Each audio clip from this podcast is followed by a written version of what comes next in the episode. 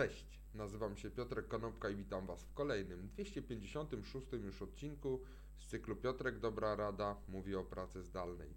Dzisiaj powiem o 20 elementach, dzięki którym praca zdalna jest dobra. Pamiętajcie, od roku jest COVID. Obecnie na horyzoncie mamy możliwość zaszczepienia się, niektórzy są już zaszczepieni.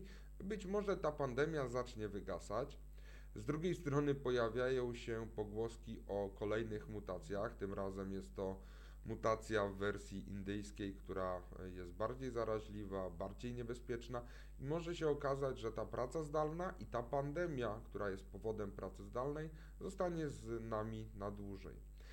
Dlatego dzisiaj chciałbym zebrać w jednym miejscu te wszystkie rzeczy, które spowodują, że ta praca zdalna jest dobra. Po pierwsze, utrzymuj regularne godziny. Budź się o tych samych porach, kładź się spać, spać o tych samych porach, pracuj w tych samych godzinach, a jeżeli potrzebujesz do tego jakiejś aplikacji, na przykład korzystaj z takiej aplikacji Rescue Time, jest to aplikacja, która pozwala Ci pilnować swojego harmonogramu w ciągu dnia. Po drugie, stwórz poranną rutynę. I o ile mówię poranną, to czasami jest tak, że ta rutyna musi być po prostu rutyną przed pracą. Czyli w momencie, gdy wstajemy, to być może naszą poranną rutyną będzie śniadanie, kawa, wyjście na spacer, czy jak dla mnie założenie koszuli i krawata, bo wtedy wiem, że oddzielam czas wolny od czasu pracy. I dla niektórych ten moment to nie musi być rano, to może być południe, ale ten symboliczny element oddzielający czas wolny od czasu pracy powinien być na początku naszego dnia. Po trzecie, ustal reguły dotyczące tego, jak pracujesz, jeżeli pracujesz w otoczeniu domowników. To znaczy, żeby ludzie w Twoim domu wiedzieli, że jeżeli na przykład wywiesisz białą kartkę na drzwiach, to znaczy mam telekonferencję, nie przeszkadzać. I te podstawowe reguły związane właśnie z tym, jak wygląda Wasz harmonogram w ciągu dnia, jak wygląda Twoja praca, powinny być ustalone wspólnie ze wszystkimi domownikami. Po czwarte, planuj przerwy. Czy to będzie jedna długa przerwa w ciągu dnia, na przykład na lunch i dwie 15-minutowe? Czy to będzie zastosowana technika pomidora 5 minut przerwy, 20 minut pracy czy 30 minut pracy? Jeżeli to będzie na przykład dwuminutowa przerwa co 20 e, parę minut, to wszystko zależy od tego, z czym się najlepiej czujesz. Ale te przerwy powinny być zaplanowane i te przerwy powinny być wykorzystane. I po piąte, właśnie wykorzystuj te przerwy swoje w całości. Jeżeli nie umiesz tego zrobić, skorzystaj z takiej aplikacji Smart Break e, for Windows. Jest to aplikacja, która pozwoli Ci zaplanować, kiedy Twój komputer będzie zablokowany i nie będziesz mógł go odblokować. I to wtedy być może zmusi Cię do wzięcia przerwy. Po szóste, opuszczaj dom, wychodź z domu. Rower, pobieganie, spacer, te wszystkie czynności, które możemy wykorzystać, wykonać poza domem, które spowodują, że wyrwiemy się z tych czterech ścian, będą dobre dla Was i zapobiegną zmęczeniu czy stanom depresyjnym. Po siódme, nie bój się prosić firmy o to, czego potrzebujesz. Może być tak, że pracujesz w domu i jeszcze nigdy nie poprosiłeś o to, żeby firma Ci kupiła lepsze krzesło, lepszy monitor, wygodniejszy fotel, e, większy monitor, być może myszkę, klawiaturę czy inne drobne rzeczy, których potrzebujesz do pracy. A dlaczego ci ich nie kupiła? Bo nigdy ich o to nie poprosiłeś, a nikt się nie domyślił, że ty tego potrzebujesz. Także nie bój się poprosić o te rzeczy swojej firmy. Po ósme, utrzymuj dedykowane miejsce pracy. I niekoniecznie mówię, że to powinien być pokój, który ma zamykane drzwi, co ostatnio mi wytknięto w jednym komentarzu, że to dosyć zabawne powiedzenie, że można mieć w domu własny pokój do pracy z zamykanymi drzwiami, ale niektórzy mają taką możliwość, a ci, którzy nie mają, to niech postarają się, żeby nie pracować w tym samym miejscu, w którym wypoczywamy. Nawet zmieńmy pozycję, przejdźmy z fotela przed telewizorem do stołu w kuchni i niech ten stół będzie przypominał nam nasze biurko w pracy. Zawsze jest rozwiązanie e, na taką sytuację i zastanówcie się, jak u Was można to w domu wdrożyć. Po dziewiąte, utrzymuj odrębny numer telefonu. I nieważne, czy będziemy tu mówili o odrębnej karcie SIM, linii stacjonarnej, czy na przykład usłudze e, VoIPowej takiej jak Google Voice czy Skype. Ważne jest, żeby mieć do pracy dedykowany numer telefonu i do życia prywatnego również dedykowany numer. Po dziesiąte, używaj VPN-a.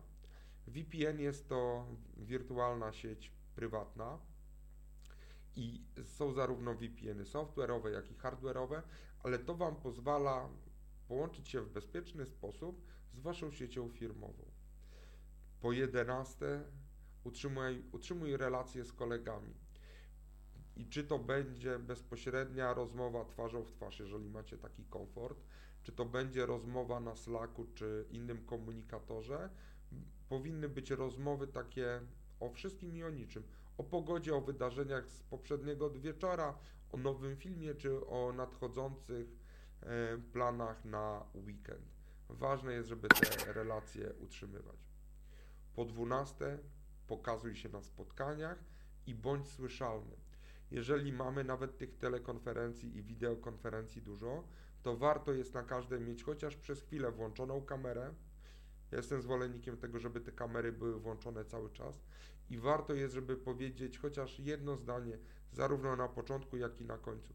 Nawet jeżeli nie jesteście na siłach, żeby brać udział w ożywionej dyskusji. Nie róbcie sobie tego, że poświęcacie czas na tele czy wideokonferencję i w trakcie tego czasu robicie coś innego, ale uchem słuchacie, a wasza kamera i wasz mikrofon jest wyciszony. Po, jeden, po 13, jeżeli macie tylko możliwość, spotykajcie się twarzą w twarz z jakimkolwiek człowiekiem, bo czasami pięciominutowa rozmowa to jest to, czego potrzebujecie do tego, żeby podtrzymać relację.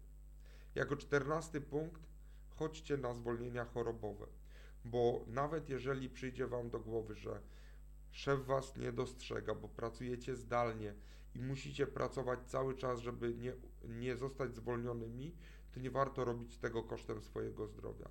I warto mieć na uwadze to, że chcemy pracować na pełnej wydajności, a tą pełną wydajność będziemy mieli tylko wtedy, gdy będziemy zdrowi.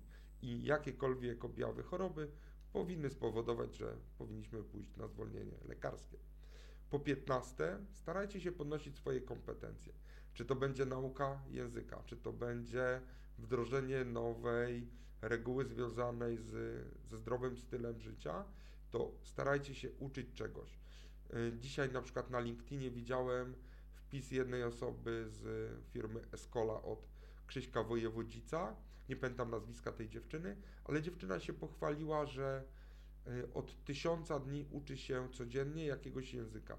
Rosyjski, hiszpański, niemiecki czy chiński.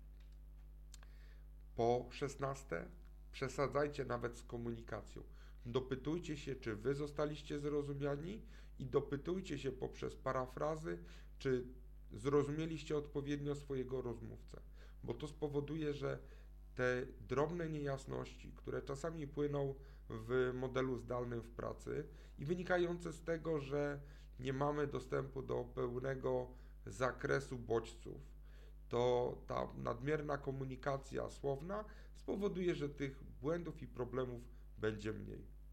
Po 17 miejcie pozytywne nastawienie, bo tak jak słychać człowieka, który się uśmiecha w trakcie rozmowy przez telefon, to to pozytywne nastawienie pozwoli Wam lepiej pracować i lepiej żyć i lepiej zachowywać tą równowagę między pracą a życiem prywatnym.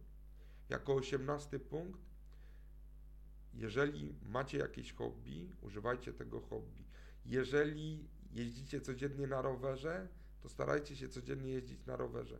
Po prostu korzystajcie z tego, że jesteście w domu i możecie poświęcić trochę wolnego czasu na rzeczy, które sprawiają Wam przyjemność. To może być codzienne pieczenie chleba, to może być cotygodniowe wspólne gotowanie na Zoomie z przyjaciółmi, ale po prostu korzystajcie z tych elementów, bo może się okazać, że jeżeli wrócimy do pracy stacjonarnej, to znowu nie będziecie mieli czasu na te wasze małe, drobne przyjemności.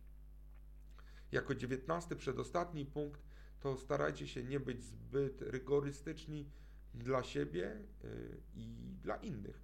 Pamiętajcie, że ta produktywność wynika z takiej równowagi między życiem prywatnym a życiem zawodowym i jeżeli nie wypośrodkujecie zarówno wymagań e, związanych z pracą, jak i wymagań związanych ze swoim zdrowiem, to ryzykujecie mm, wypalenie się.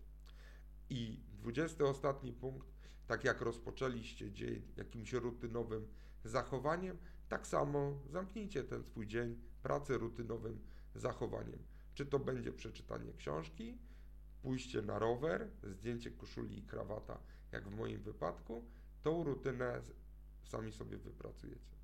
A te 20 kroków, o których dzisiaj powiedziałem, to każdy z Was musi sobie wypracować je sam. I każdy musi dopasować do swojego stylu i trybu pracy.